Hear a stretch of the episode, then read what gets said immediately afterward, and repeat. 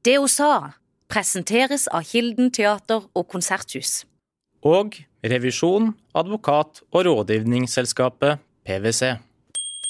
Mange kvinner har snakka med, de har vært sånn 'jeg tør ikke det, jeg tør ikke det, for jeg kan ikke noe om det'. Da kommer man ikke noen vei.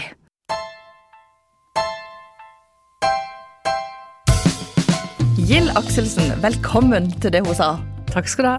I dag er det Silje Dagsvik og meg sjøl, Birgitte Klekken, som er i studio. Og Gild, du er jo vant til å sette Admdir foran navnet ditt i jobbsammenheng. Akkurat nå så er du administrerende direktør i BRG Utvikling. Og før det, for ikke så veldig lenge siden, så du, hadde du den samme tittelen i JB Ugland Eiendom. Der gikk du på dagen. Eh, nå, det vil si for ikke så veldig lenge siden det òg, så ble du ny styreleder i Næringsforeningen i Kristiansand. Du er utdanna jurist, du har jobba som advokat, og så sitter du i en haug med styrer. Kan ikke du gi noen eksempler på store prosjekt som du har vært involvert i? Ja, det kan jeg gjøre. det er lett for meg å ta dette de aller største, det er Kanalbyen i Kristiansand. Eh, Jebbe Ugland har jobba der, vi har jo en eh, eierandel på det på 40 og så er det Kristiansand havn som har 50 Der var jeg styreleder over et par år. Det er jo et sånn type prosjekt hvor en begynte med den gamle silokaia, ikke sant. Og helt ifra å begynne å legge ut infrastruktur, vann, avløp, alle disse tingene der som er nede i grunnen langs sjøen, ikke sant, til den, den delen. Og så til å få opp en, en, tanke rundt hvor mange enheter er det vi kan bygge, hvordan skal de se ut, hva skal til for at folk trives, hvordan håndtere sol, vind og best mulig bokvalitet for enhver leilighet. Samla sett er det 700 leiligheter der. Tangen-området er et annet område, det har jo BRG blant annet vært på eiersida på. Det er jo 800 boliger. Det har jo skjedd mye utvikling og mye utbygging i Kristiansand. Eh, hva, er, hva, er, det vi kan forvente oss fremover? Hva er trendene? Vi skal tenke 10-20 år frem i tid. Hvordan vi bor, da? Mm. Ja, eh, det er jo den som hadde den glasskula, da. Ja, ikke sant? Men det, det, mange sier, da, det er jo at en nok ser en trend til at vi vil bytte boliger oftere gjennom livet enn vi kanskje har gjort. Eh, de fleste kommuner i Norge har jo en høyere andel eneboliger enn det vi egentlig har behov for. Og nå tenker jeg bare Hvis du sammenligner boligstørrelsen med eh, om, eh, hvor mange det er som bor i hver bolig, så har vi jo eh, en høy andel med eneboere. Overraskende mange. Vi tror jo at det er liksom familier som er det vanlige, men det er uvanlig. De fleste bor én eller to. Eh, og så har vi sånn 70% eneboliger i eh, vår kommune, Stor-Kristiansand. Og det, det går jo ikke opp over tid. Da har vi for mye areal. Og så blir disse slitne og må pusses opp og alt det der også, og det, det genererer jo en del utfordringer for de som eier det. Så det, trenden går jo mot at man ønsker å bo mer sentralt bare av den grunn, for vi vil ha gjerne moderne boliger. Og så har du den, den delen som går på bærekraft, både sosialt og klimamessig. Klimamessig så er det jo gunstig at vi jobber og bor nær altså denne fem minutter, nei, unnskyld, ti minutters, 15-minuttersbyen, mm. at vi har ting i ganske god nærhet av oss, det er gunstig. Og det er også gunstig for kommunene når de skal levere oss eh, kommunale tjenester. Som vil vi få mer av rundt eldrebølgen osv. Men det er også den sosiale bærekraften. Det at vi bor nær hverandre, gjør at vi ser hverandre oftere. Det føles tryggere. Og det er jo en underlig ting, egentlig, men vi, det er jo overraskende å se hvor mange hvor godt man selger av leiligheter i første etasje. Det hadde man kanskje ikke trodd for noen år siden. Men det ser vi også i Oslo. Det selges ganske mye av det, fordi folk ønsker å være nær på livet. Og det har kanskje sammenheng med at det er mange som bor alene. Så det å motvirke ensomhet er jo en viktig ting. Så trendene globalt og nasjonalt går jo i retning av at vi ønsker å bo tettere og nærere hverandre. Og så er det litt dyrere å utvikle i byer, for da må man gjerne transformere fra eh, annen type virksomhet, sånn som Tangen og Kanalbyen er noen eksempler på, eh, fra industriområdet. Og det jo, koster litt å bygge om. Og det er også litt vanskeligere å bygge, for det er tett. Og man kan også få større konflikter? Det kan man også få. Mm. Eh, og, men da, da, da blir kostnadene litt høyere enn, enn det gjør hvis du skal bygge mer grisgrendt. Eh, men samfunnsøkonomisk så er det jo mer lønnsomt hvis du tar klima spesielt med i betraktninga da. Eh, Men, men det gjør jo òg at vi antagelig bor litt trangere enn vi har gjort før. Mer i høyden nå, eller? Ja, det, det er nødvendig. Mm. Eh, Og det er jo også fordi at hvis vi bygger litt høyere, så har vi igjen mer bygulv, som det kalles, igjen. Og da har du områder hvor man kan samles, og hvor det fellesskapet kan møtes. Jeg syns jo personlig at det å lage leilighetskomplekser hvor man har gjerder rundt og lukker igjen, er veldig uheldig. Jeg er veldig glad for at Kristiansand kommune blant annet stiller kravene om at det skal være åpent og tilgjengelig. Og da, da kan vi ta i bruk de arealene vi har i sentrale områder, da. Det er bydeler, og det er i sentrum i Kristiansand blant annet, hvor fellesskapet kan være, ikke bare beboerne. Men dette er jo oppsida. Det er med- oppsida. Med utvikling. Mm. Eh, og det er åpenbart i Kristiansand at det er en del områder som gjennom utbygging har blitt mer tilgjengelig for flere. Er Tangen eksempel, det er noen områder på Lund der det tidligere bare var industri, hvor det nå blir boligkompleks med. Sånn Marvika. For eksempel Marvika. Um, men så er det jo en annen side òg, og det er jo det at det forsvinner jo mer og mer grønt. Mm. Og nettopp i bydelssentrum så tenker jeg at de små arealene den har som ennå er grønne, er ganske verdifulle. Det er det. Hva, hva tenker du om, om det? Jeg er helt enig, så jeg tror det er derfor man må ha de kravene til at det grønne arealet bevares så mye som mulig. Og Det er to aspekter med det. det. Det ene er jo at vi ikke bygger fremover på områder som er grønne per i dag. Eh, Det går ikke nødvendigvis på at det er jordbruksjord, men altså alt, alt grønt areal, da, for å si det sånn, bør jo ikke bebygges. Det mest klimavennlige vi gjør, det er jo å la være å bygge, egentlig. Men? Kjenner du noen ganger på at du gjerne skulle ha bremsa utviklinga litt, og heller latt være å bygge? Nei, det kjenner jeg vel egentlig ikke på. Jeg kjenner mer på at vi skal bygge smartere. Vi må bygge tett, men vi må bygge tett og høyt, er min vurdering, da. Men i den stillingen du har, den posisjonen du har, du, du, du sitter jo tett på makta her, på en måte, ikke sant? Du er med på, helt konkret, så er du med på å styre hvordan utviklinga og en del folks liv blir. Hvordan er det å ha det ansvaret? Det kjenner jeg som eh, Det er et godt spørsmål. Altså, jeg, jeg kjenner på et ansvar på å prøve å ivareta mest mulig hensyn og gjøre den avveininga så riktig som mulig. Eh, ansvaret er å få opp det som er fakta, og de motstridende interessene som er der. For det er åpenbart motstridende interesser. Vi vil alle ha en stor eiendom med en stor hage rundt, uten gjenboere, sentralt og billig. Det fins jo ikke, ikke sant? Eh, kort sagt. Eh, så, så der er jo interessekonflikter her hele tida. Men hvis vi får opp Ansvaret er jo å få opp de interessekonfliktene, og så tørre å ta den avveininga av hva er det som er den riktige miksen av hensyn vi må ivareta her, og finne det beste resultatet av de ulike interessene.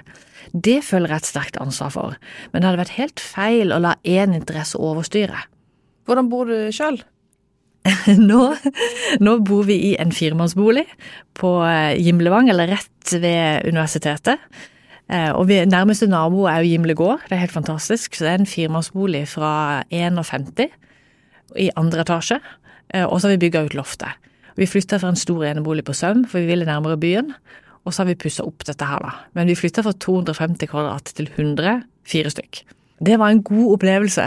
Ja, det er jo godt å høre. Ja, det var helt fantastisk. For vi, jeg tror, vi trodde nok kanskje ikke at vi ville at guttene våre Nå er de 19 og 22, men da var det jo Dette her er fire år siden vel vi flytta dit. Eh, Da trodde vi kanskje at de ikke ville. De ville at vi tenkte vi skulle bare leie ut leiligheten en stund, og så vente. Men de ville nærmere byen, og nærmere videregående skoler og alt dette her også. Eh, Men da hadde vi jo mye mindre plass. Men det vi gjorde, var jo at vi fikk jo rydda veldig mye.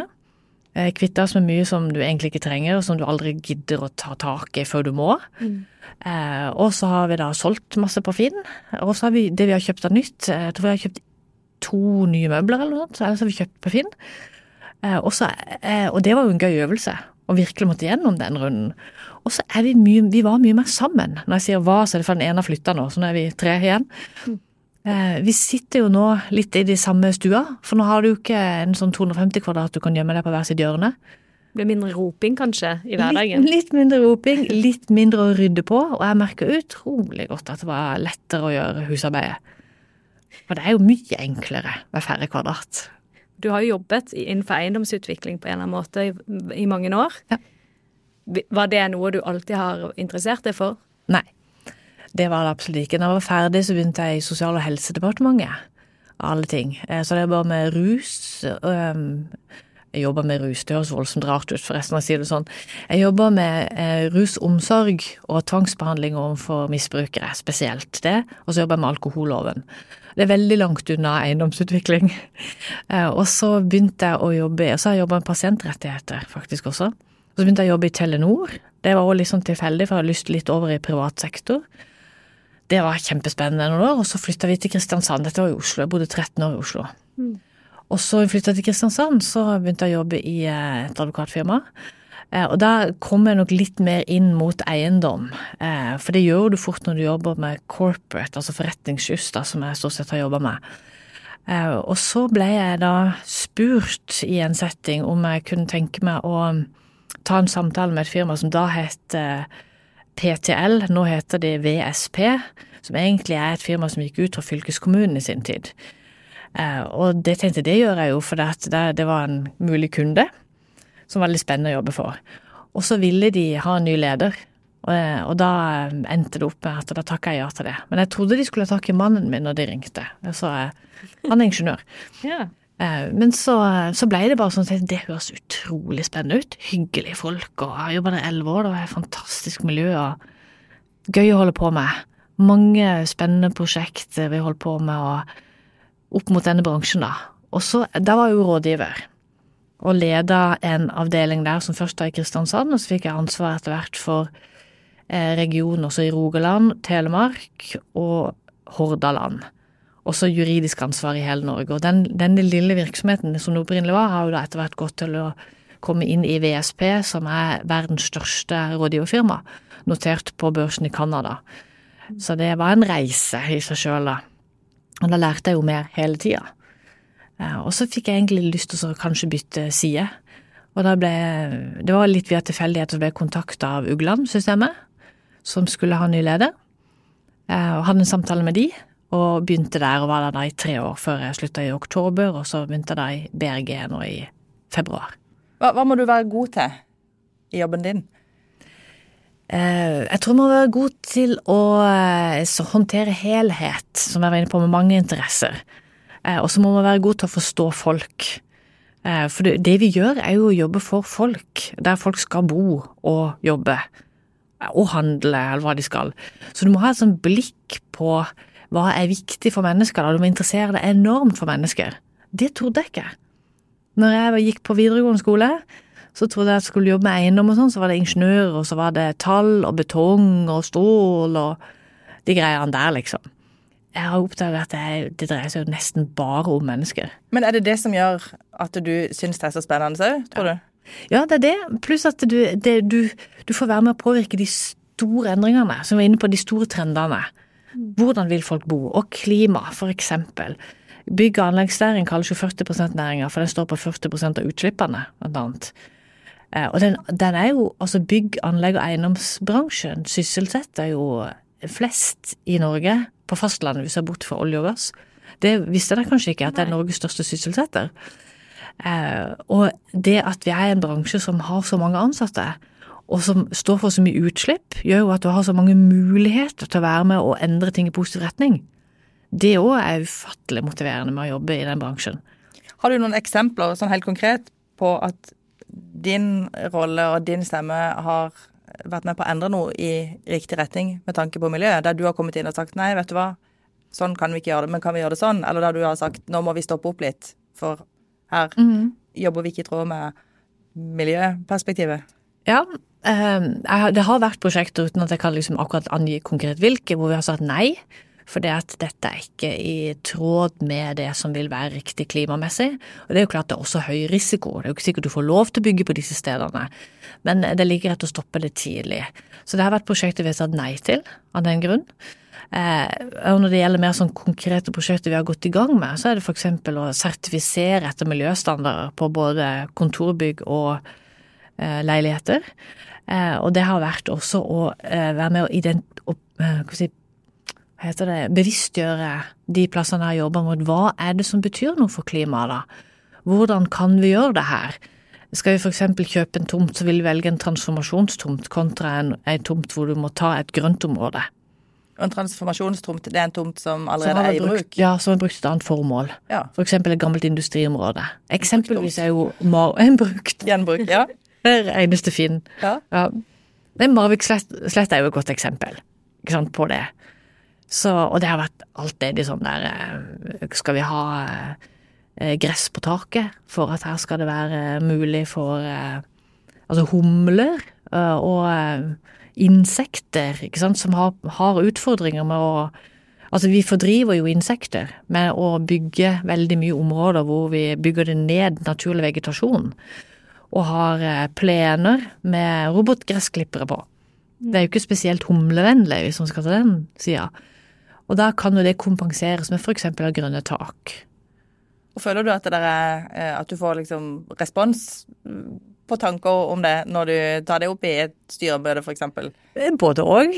Det er jo alltid en sånn avveining av interesser, det òg. Det En del av disse tiltakene er jo mer kostbare enn at det lar seg gjennomføre, og det må man jo være ærlig og si. Men når det gjelder f.eks. energieffektiviserende tiltak, så er det så å si alltid lønnsomt. Og det har jo blitt mer og mer lønnsomt i de årene jeg har jobba med det. Men det aller viktigste bidraget, det er jo arealdisponering, tenker jeg. At vi da legger boliger, bygg, på områder hvor vi unngår å bygge ned ny natur, og vi også legger det langs akser hvor det allerede går veier og infrastruktur. Så ikke vi trenger å legge under oss enda mer jord. Hvordan klarer du å holde deg oppdatert på alle disse trendene? Er du sånn eh, leseperson, eller hva gjør du? Altså, Jeg er en skikkelig leseperson, men Ja. jeg leser jo mest skjønnlitteratur. Sånn, jeg tror nesten kontinuerlig jeg tar to bøker på gang. Eh, Det, det er en veldig hyppig bruker av biblioteket. Eh, Men eh, faglitteratur, der er, det, jeg har liksom ikke sånn at jeg sitter og leser det på kveldstid og sånn. Men det jeg har gjort, jeg har engasjert meg en del i blant Oslo-miljøer. Eh, Og en del sånn, ja, det finnes egne grupper og nettverk der som diskuterer disse tingene. Og jeg tenker, hvis det, de, de globale trendene, de kommer jo først til Oslo, og så kommer de til Sørlandet, og så må vi på en måte tilpasse de på sørlandsvis, hva passer hos oss. For det er jo ikke det samme i Oslo som det er her. Når Oslo snakker om sykepleierindeksen, som er hvor mange boliger kan en gjennomsnittlig sykepleier, en som lever på en sykepleierinntekt, kjøpe, så er det veldig, veldig få prosenter av boligene i Oslo de kan kjøpe. Mens i Kristiansand er det jo enormt, ti ganger mer, ikke sant. Så vi har jo ikke den utfordringen, men en del andre ting har vi samme utfordringer på. Så jeg bruker litt tid på å holde meg oppdatert via det. Du, hva skal til for å få gjennomslag for nye ideer og ting som du mener er viktig? Eh, Man må jo, for det første så må man jo vite litt hva man snakker om. Eh, Iallfall godt nok. Hvis man bruker all sin tid på å lære alle detaljer, så kommer du på en måte ikke videre heller. Så du må liksom kunne nok, ha nok faktagrunnlag for å skjønne det. Og hva, hva er liksom driverne her? Hva er det viktige i denne bransjen? Hva er det viktige for de folkene? Og så det andre er jo at du må ha, skal du få gjennomslag, så må du ha en viss grad av passion. Du må være litt engasjert. Jeg har litt passion, ja. Eh, det, jeg, jeg tror på det at en må være overbevist. Eh, og man må jo lytte også, da, ikke sant, selvfølgelig. Jo mer overbevist jeg er, jo mer um, det, det kan jo være litt overveldende, Ola, la, så man må samtidig dempe det og lytte på, på, på andre og få innspill, selvfølgelig, men du må levere med litt passion hvis du skal få gjennomslag. Du kommer fra en litt mannsdominert bransje. Mhm. Eh, Er det en fordel å komme inn der som dame med passion? Er det lettere å bli lagt merke til og få til de møtene du trenger for å treffe personer som kan ta avgjørelser? Ja, det er det. Du, det er jo fordel, vet du. Man, man går jo ikke igjen i mengden, de med blå dress. Eh, så det er en eh, stor fordel å, å synes litt grann mer. Jeg har aldri opplevd at ikke man blir hørt på. Og det er, begynner å bli flere og flere kvinner i bransjen også, særlig i Oslo. Så et av nettverkene som jeg heldig blitt invitert inn i, der er det egentlig bare meg som er utenfor Oslo, da, det er kvinner innen eiendom. Og der er det alt fra advokater og bankfolk til utviklere til ledere, entreprenørbedrifter osv. Eh, veldig spennende. Og så er det liksom hvorfor måtte man etablere det? Eh, men da var det litt ut fra en, en tanke om at det er så få kvinner at det var litt nødvendig rett og slett å sette seg ned og diskutere. Um, hvorfor Det starta som 'Hvorfor er det få kvinner?' som Ja, og- er interessert i å jobbe. Hvordan står det egentlig til på Sørlandet der? Det står ikke så bra til. Jeg tror ikke det gjør det, altså. Det er en del kvinner i rådgiverbransjen. Eh, Alt fra rådgivning, ingeniørbransje til arkitekter osv. Men det er akkurat på utviklingssida, byggherresida, som jeg representerer, da, så er det få. Og det er dessverre også få på entreprenørsida. Men tror du at ting ville sett annerledes ut hvis det var med et mer balansert forhold her? Det tror jeg faktisk. Eh, ja. Dette har jeg nesten ikke som belegg for å si, men jeg har en tanke om at en del hus hadde blitt tegnet litt annerledes hvis det var flere kvinnelige arkitekter på 40- og 50-tallet enn eh, enn det var. For det, at det er noe med at en ser et litt annet blikk på løsninger, for eksempel. Men dette med mangfold i bransjen, det er viktig fordi vi skal levere de gode produktene, og halvparten av de som bruker de er jo kvinner. Og da må vi tenke at de skal involveres og medvirke i hvordan det blir seende ut. Det andre delen er jo at eh, vi har jo ikke råd til som bransje å gå glipp av 50% av talentene, og det er jo det aller viktigste for meg. Altså 50% av de som går på skole er jenter. Nå er jo de også, gjør de jo også bedre på mange av de studiene som er viktige for vår bransje. Men de, jeg vil jo at de skal fortsette i bransjen. Jeg vil jo ha tak i jenter. Det er derfor jeg vil skjønne at når kvinner eller jenter jobber med eiendom, så jobber de med mennesker, for mennesker, over lang tid. Det vi sitter og planlegger, det blir jo stående for, forhåpentligvis kjempelenge, hvis du skal ha et godt bærekraftsperspektiv på det. Men hvordan tar du med deg den bevisstheten inn når du skal ansette nye folk? Så godt jeg kan, så prøver jeg å ta det med meg. Og så er det jo sånn at vi alltid skal ansette de som er best. Eh, Det jeg prøver å tenke både på kort og lang sikt. På lang sikt så er det å snakke, opp, snakke om bransjen, og få flere kvinner til å interessere seg for bransjen. Eh, Og på kort sikt så er det klart at står du mellom en kvinne og en mann, så hadde jeg nok foretrukket en kvinne eh, hvis det var like vilkår ellers. Eh, dessverre, på Sørlandet er det for få jenter i, i bransjen vår, så vi må jo bare jobbe med dette over tid.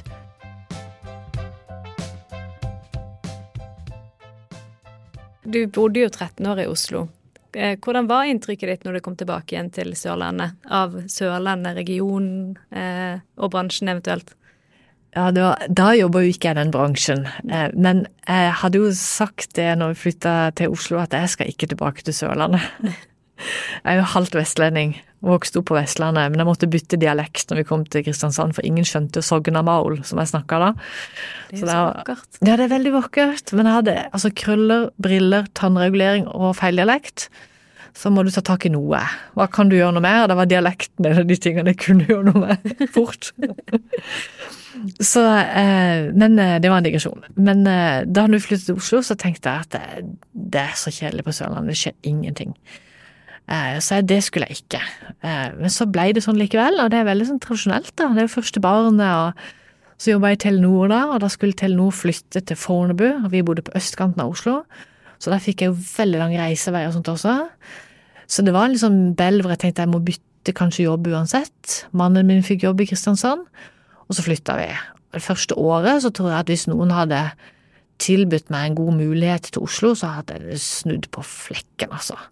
Var, jeg syns ikke det var spesielt ok. Eh, men så endra det seg, eh, og så tenkte jeg her må jeg, jeg må jo bare ta tak bli kjent med flere folk. Engasjerte meg i noen organisasjoner, bli kjent med folk som ikke er kristiansandere. Og så eh, har jeg jo egentlig trivdes godt etter det, men det, det som jeg ser, det, det har skjedd veldig mye. Jeg er utrolig glad for at det har skjedd mye i sentrum. Jeg er glad for at det har skjedd mye også i bydelene, har fått mer identitet. Eh, Det er kommet interessante bedrifter her. Vi har en stor forhold med et flatt næringsliv. Mange kjenner mange, på godt og vondt, da. Men den positive sida er jo at det er lett å nå tak i alle. Eh, Og hvis du vil noe, så, det, så, så blir du Da har du muligheter, og du blir sett. Kanskje mer enn i Oslo. Eh, Og vi har noe fordel med eh, korte avstander på alle vis. Det, er ikke, det er ikke vanskelig å nå hverandre. Og det er ikke den der hierarkihakkinga som du kanskje kan føle litt på deler av miljøet i Oslo. Ja, flere av gjestene vi har hatt som har jobba i Oslo, har sagt at det er mye snillere Ja, det er litt på. Sørlandet. Og at de har følt at det er en stor sånn forskjell i forventninger til hvordan man jobber. At i Oslo så følte de at de, det var veldig viktig å jobbe veldig mange timer hver dag. At det var kred. Men når de kom til Sørlandet, så var det liksom helt OK å si at du gikk hjem klokka fire. Og spesielt jurister, faktisk, som jeg snakka med, som har, som, har nevnt, eh, som har nevnt det. Så det er jo litt interessant at det er en, liksom, kanskje en annen kultur. Mulig. Jeg har em, Jeg vet ikke, jeg tror jeg har vært veldig heldig, da. Jeg har hatt sånne jobber som du egentlig kunne jobbe så mye man ønska. Eh, eller altså ikke, ikke så lite man ønsker, selvfølgelig, men jeg har på en måte aldri vært der at jeg har tenkt at jeg måtte være på jobb, jeg har bare lyst. Var kanskje litt mer strebermentalitet. Ja, akkurat det. Nå kom jeg på hvem det var som sa det, for det var hun Ingvild Vetterhus, Ja. som er jurist, for sa, hun brukte akkurat det, at det var mer strebermentalitet i Oslo enn det hun opplevde at det var når hun begynte å jobbe i Kristiansand. Men nå er jo du ny, relativt ny styreleder for eh, Næringsforeningen i Kristiansand. Så nå skal du jobbe ikke bare for din egen bedrift, men du skal jobbe for hele næringslivet her. Så så jeg at du i et intervju uttalte at du vil gjerne jobbe eh, for å gjøre noe med dette med utenforskap. Og der eh, kommer vi jo ganske dårlig ut på statistikkene. Men du er jo sånn sett veldig vellykka, ikke sant? Sånn karrieremessig. Du er iallfall veldig langt unna det å være utenfor når det gjelder jobb. Um, hvilke forutsetninger har du til å forstå hva som skal til?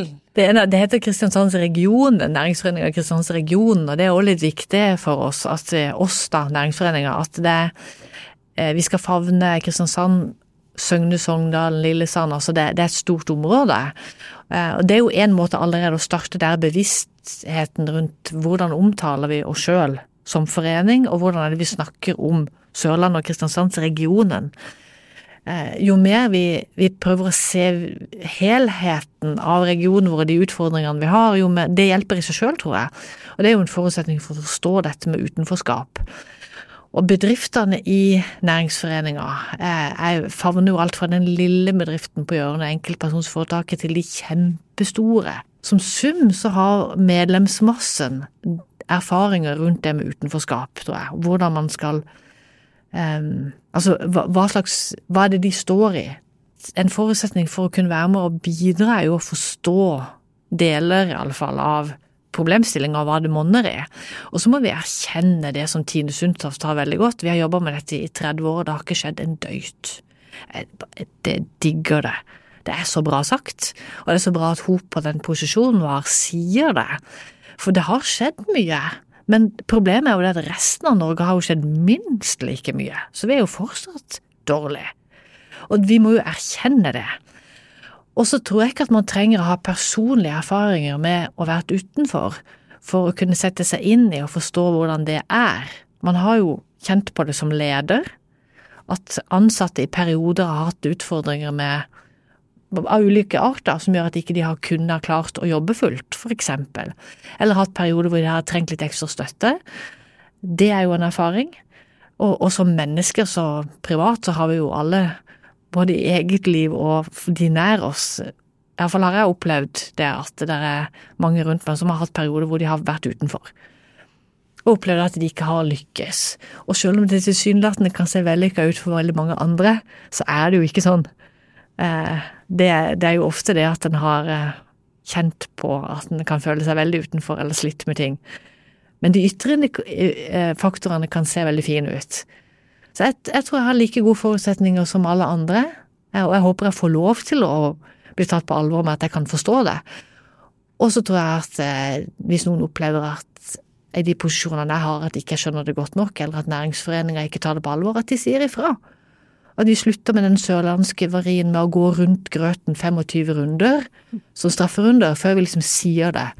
Det er ikke farlig å si det. Jeg liker jo veldig godt uh, det du sier, at la oss bare kalle en spade for en spade. Kanskje det er da man får gjort noe med ting. Uh, en annen utfordring som du var sånn litt inn på dette med når du kom hit, uh, så forsto jeg det litt som at du måtte aktivt jobbe litt for å få nettverk, rett og slett. Er du god på nettverksbygging sjøl? Ja, det tror jeg. Mm. Det har jeg vel vært opp igjennom. Jeg liker jo folk, så jeg syns det er gøy å høre hva folk holder på med. Og som regel så er det jo lett å bli kjent med folk som du bare spør dem om hva de driver med, og er genuint interessert i å lytte. så, så blir det litt nettverk ut av det. Men man må bjude på, man må jo gi litt for egen del også, og heller åpne opp. Og hvis man driver med en sånn T-kontotenking, at hvis jeg gir deg en, på å si, noe, så skal jeg ha noe tilbake igjen, har jeg gitt deg en tjeneste, eller ikke en sånn tjeneste, men jeg har jo har jeg um, Hjulpet deg hjulpet med med noe. Det er det jeg mener. Altså, Ja. det høres ut som jeg var inne på svart arbeid, det var ikke meninga. men men eh, du, du må liksom være litt raus, og da blir det nettverk ut av det. Uh. Men det har fått styreverv. Det får du jo ikke hvis ikke folk vet om det. Nei. Og vi vet at en del av våre lyttere de er interessert i det med styreverv, de har lyst på det. Men så vet ikke helt hvordan de skal gå frem. Så hvis man føler seg kapabel da, og er flink til noe, og kunne tenke seg å prøve å ta det ansvaret som det er å sitte i et styre, har du noe råd til folk for å bli lagt merke til, eller ja, bli, for, for å komme i posisjon til å, å få et, en styreplass? Ja, altså det første er jo at man må ha litt kompetanse på selve hva er et styre. Den delen der, så Det lønner seg jo kanskje å ta noen sånn styrekurs eller noe sånt. Men jeg tror ikke man er avhengig av det. Jeg tror man må eh, det sånn Konkrete tips er jo å engasjere seg f.eks. i næringsforeninger, være med på en del av disse åpne møtene og sånn, og bli kjent. Andre nettverk, bli rundt og prat. Eh, og så er det å kontakte disse um, headhunterfirmaene. De blir ofte spurt om har dere noen styrekandidater. Eller kontakt noen kvinner man kjenner som har styreverv. For vi blir ofte, altså jeg har jo noen styreverv, og jeg blir ofte spurt om eh, har du tips til noen andre kandidater. Eh, og da skulle jeg jo gjerne visst om enda flere kvinner. Nå kan du gå inn på kontoen til det hun sa. Og der er det mange bra Jeg, damer. jeg vet jeg har tipsa noen ganger der. Og jeg fikk nylig nå et eh, styreverv, eh, varamedlem i styret på NTNU, og det kom via Åse Marte Håringmo.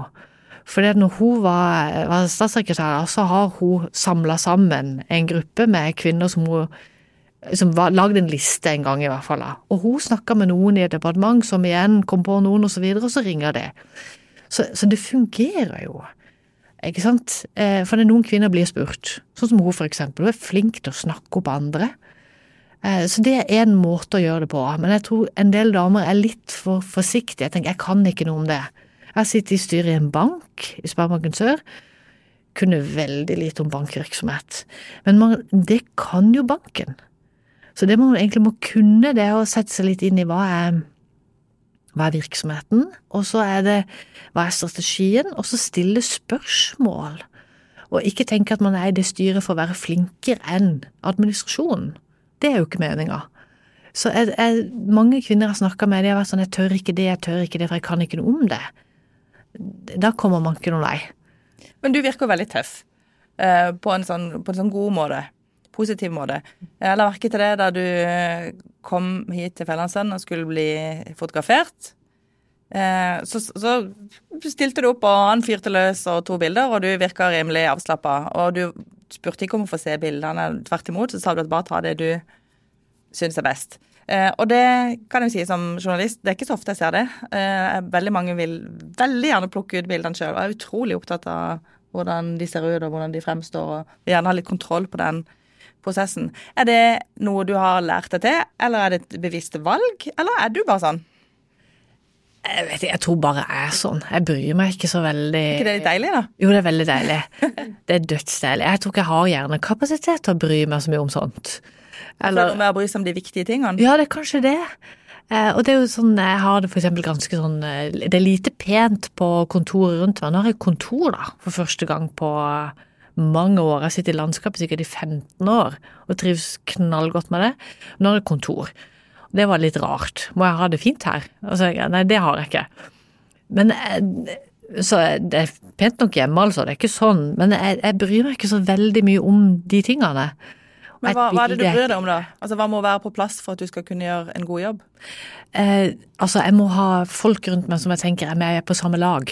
At ikke vi jobber mot hverandre. Eh, og hvis vi er uenige, så kan vi godt være uenige, men da skal det være i åpent lende, og ikke at det går bak ryggen på noen.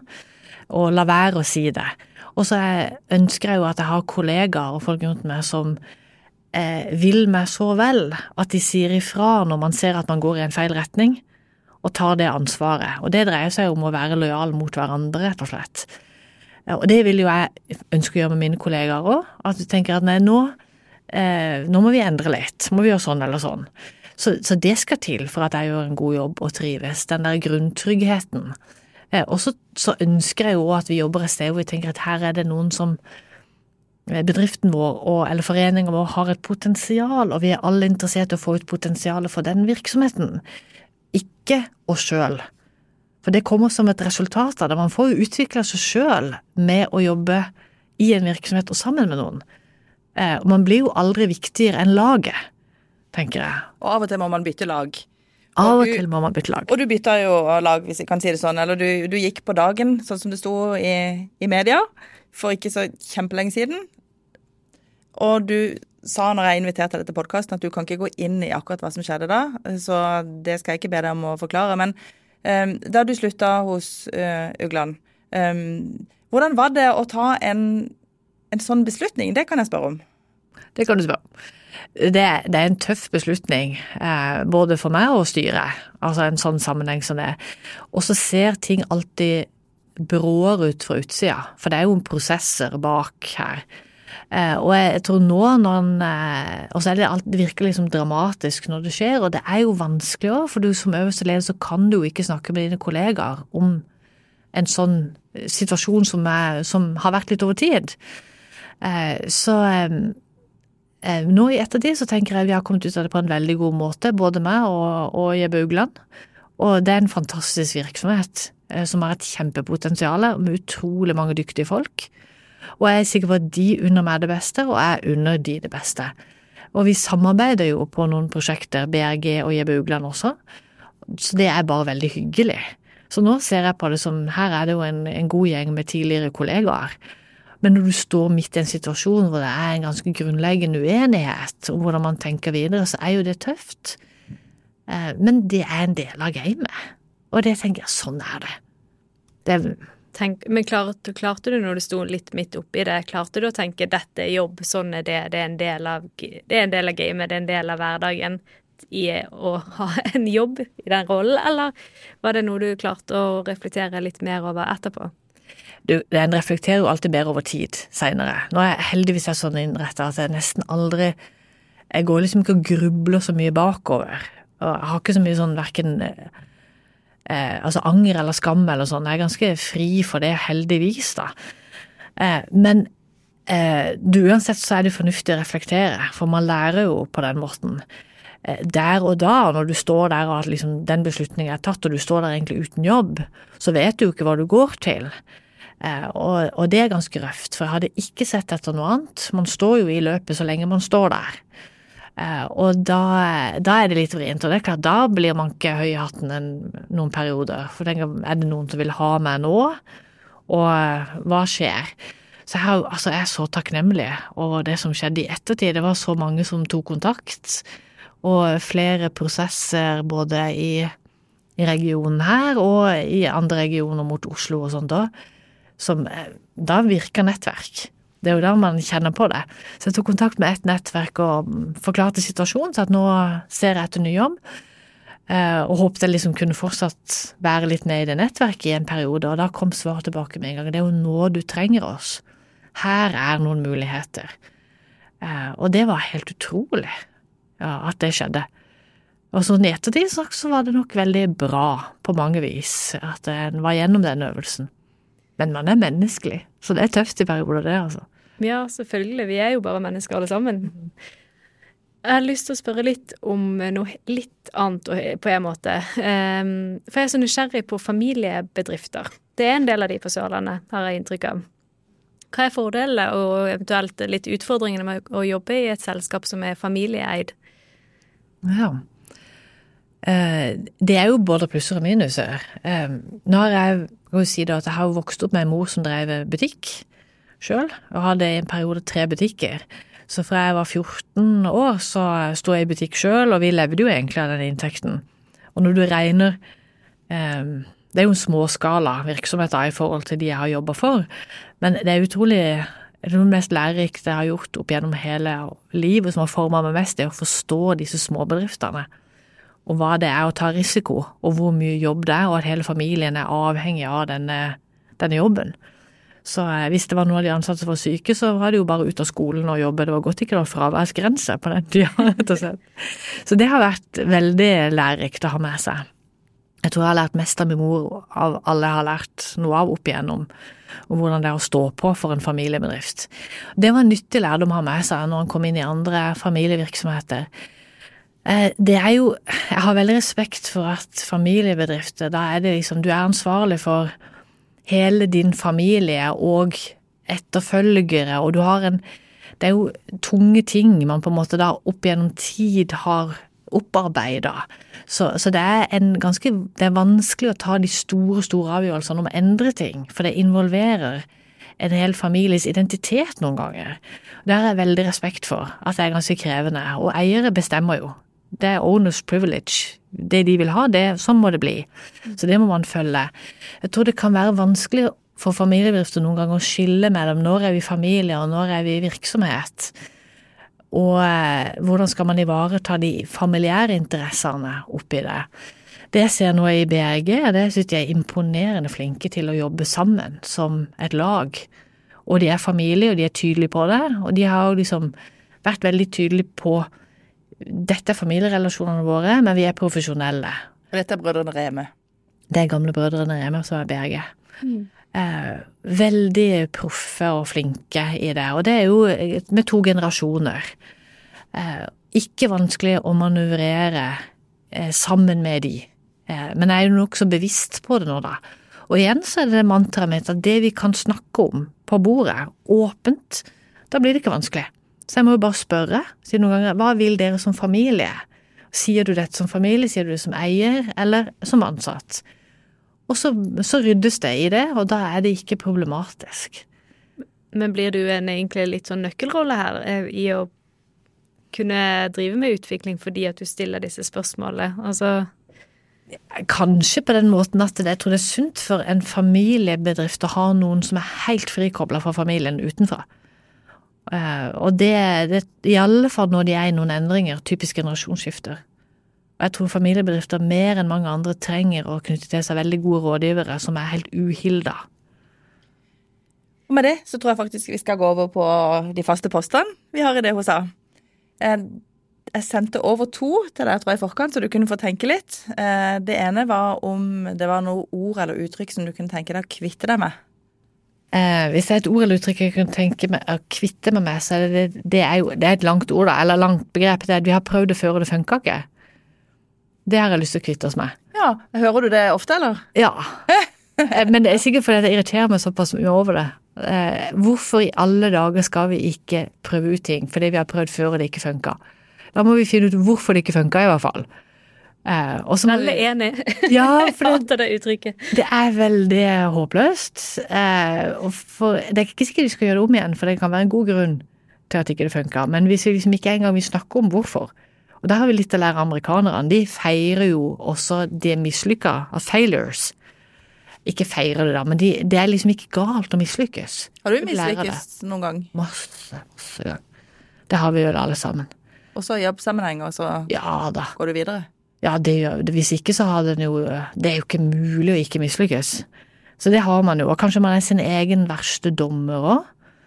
Men det, det er klart det er mange ting han har gjort som tenker etterpå at ah, det ble ikke bra nok eller godt nok, eller det var direkte feil og sånn. Men i det store og det hele så tror jeg nok at det i alt i alt har vært bra, det en har gjort. Men noen feil gjør man jo. Selvfølgelig. Og hvis ikke, så har man ikke våga. Men du, har du høy risiko? Liker du litt risiko? Ja, både og. Jeg er ikke glad i fart, for eksempel, men jeg er glad i høyder. Jeg liker risiko, men den skal være kalkulert. Altså ikke risiko for risikoens skyld, men, men poenget mitt er at du, du kan ikke forvente fortjeneste uten å ta risiko. Og det er jo i den balansen jeg mener det er viktig at vi som jobber med utvikling, må leve. Vi kan ikke kreve at du skal ha maksa resultater uten risiko.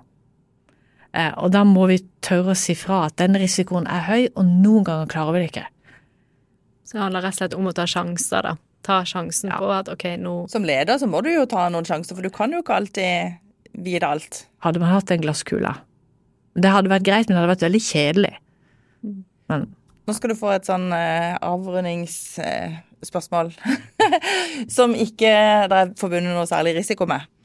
Eh, og det er rett og slett eh, hvem har du lyst å fremsnakke? Nå har jeg fremsnakka min mor allerede, så det har passert. Det er, å fremsnakke det her, det her er det nok absolutt noen fordeler å fremsnakke kvinner, tror jeg, i denne podkasten her.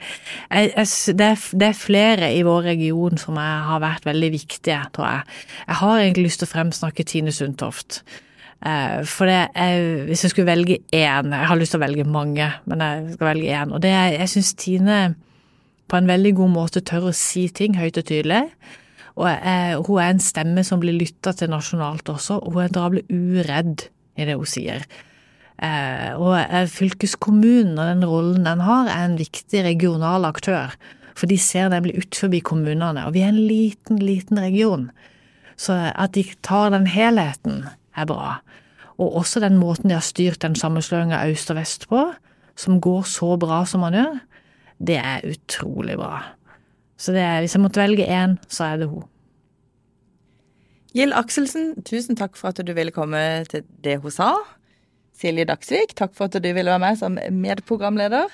Og til dere som hører på, tusen takk for at dere er med. Følg oss gjerne på Facebook, og følg oss gjerne på Instagram. Og send oss tips til andre damer du har lyst til å høre på i Det hun sa. Du har lytta til Federlandsvennens podkast Det hun sa med Birgitte Klekken. Har du tips til andre bra damer vi bør snakke med, eller har du lyst til å dele inspirerende erfaringer fra ditt arbeidsliv? Ta kontakt på det hun sa fun.no.